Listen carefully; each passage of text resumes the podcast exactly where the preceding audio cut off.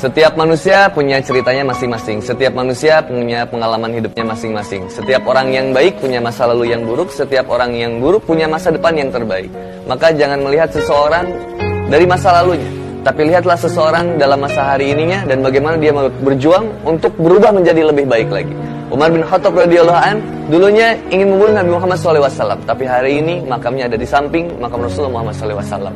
Berbicara hijrah ada dua syaratnya. Ada yang ditinggalkan dan ada yang dituju. Apa yang ditinggalkannya? Yang ditinggalkannya adalah kemaksiatan dan yang ditujunya adalah Allah Subhanahu wa taala. Maka berbicara hijrah berproses, berprogres. Kalaupun banyak yang proses dalam proses hijrah, maka jangan dibawa stres. Jalani aja sampai beres biar sukses.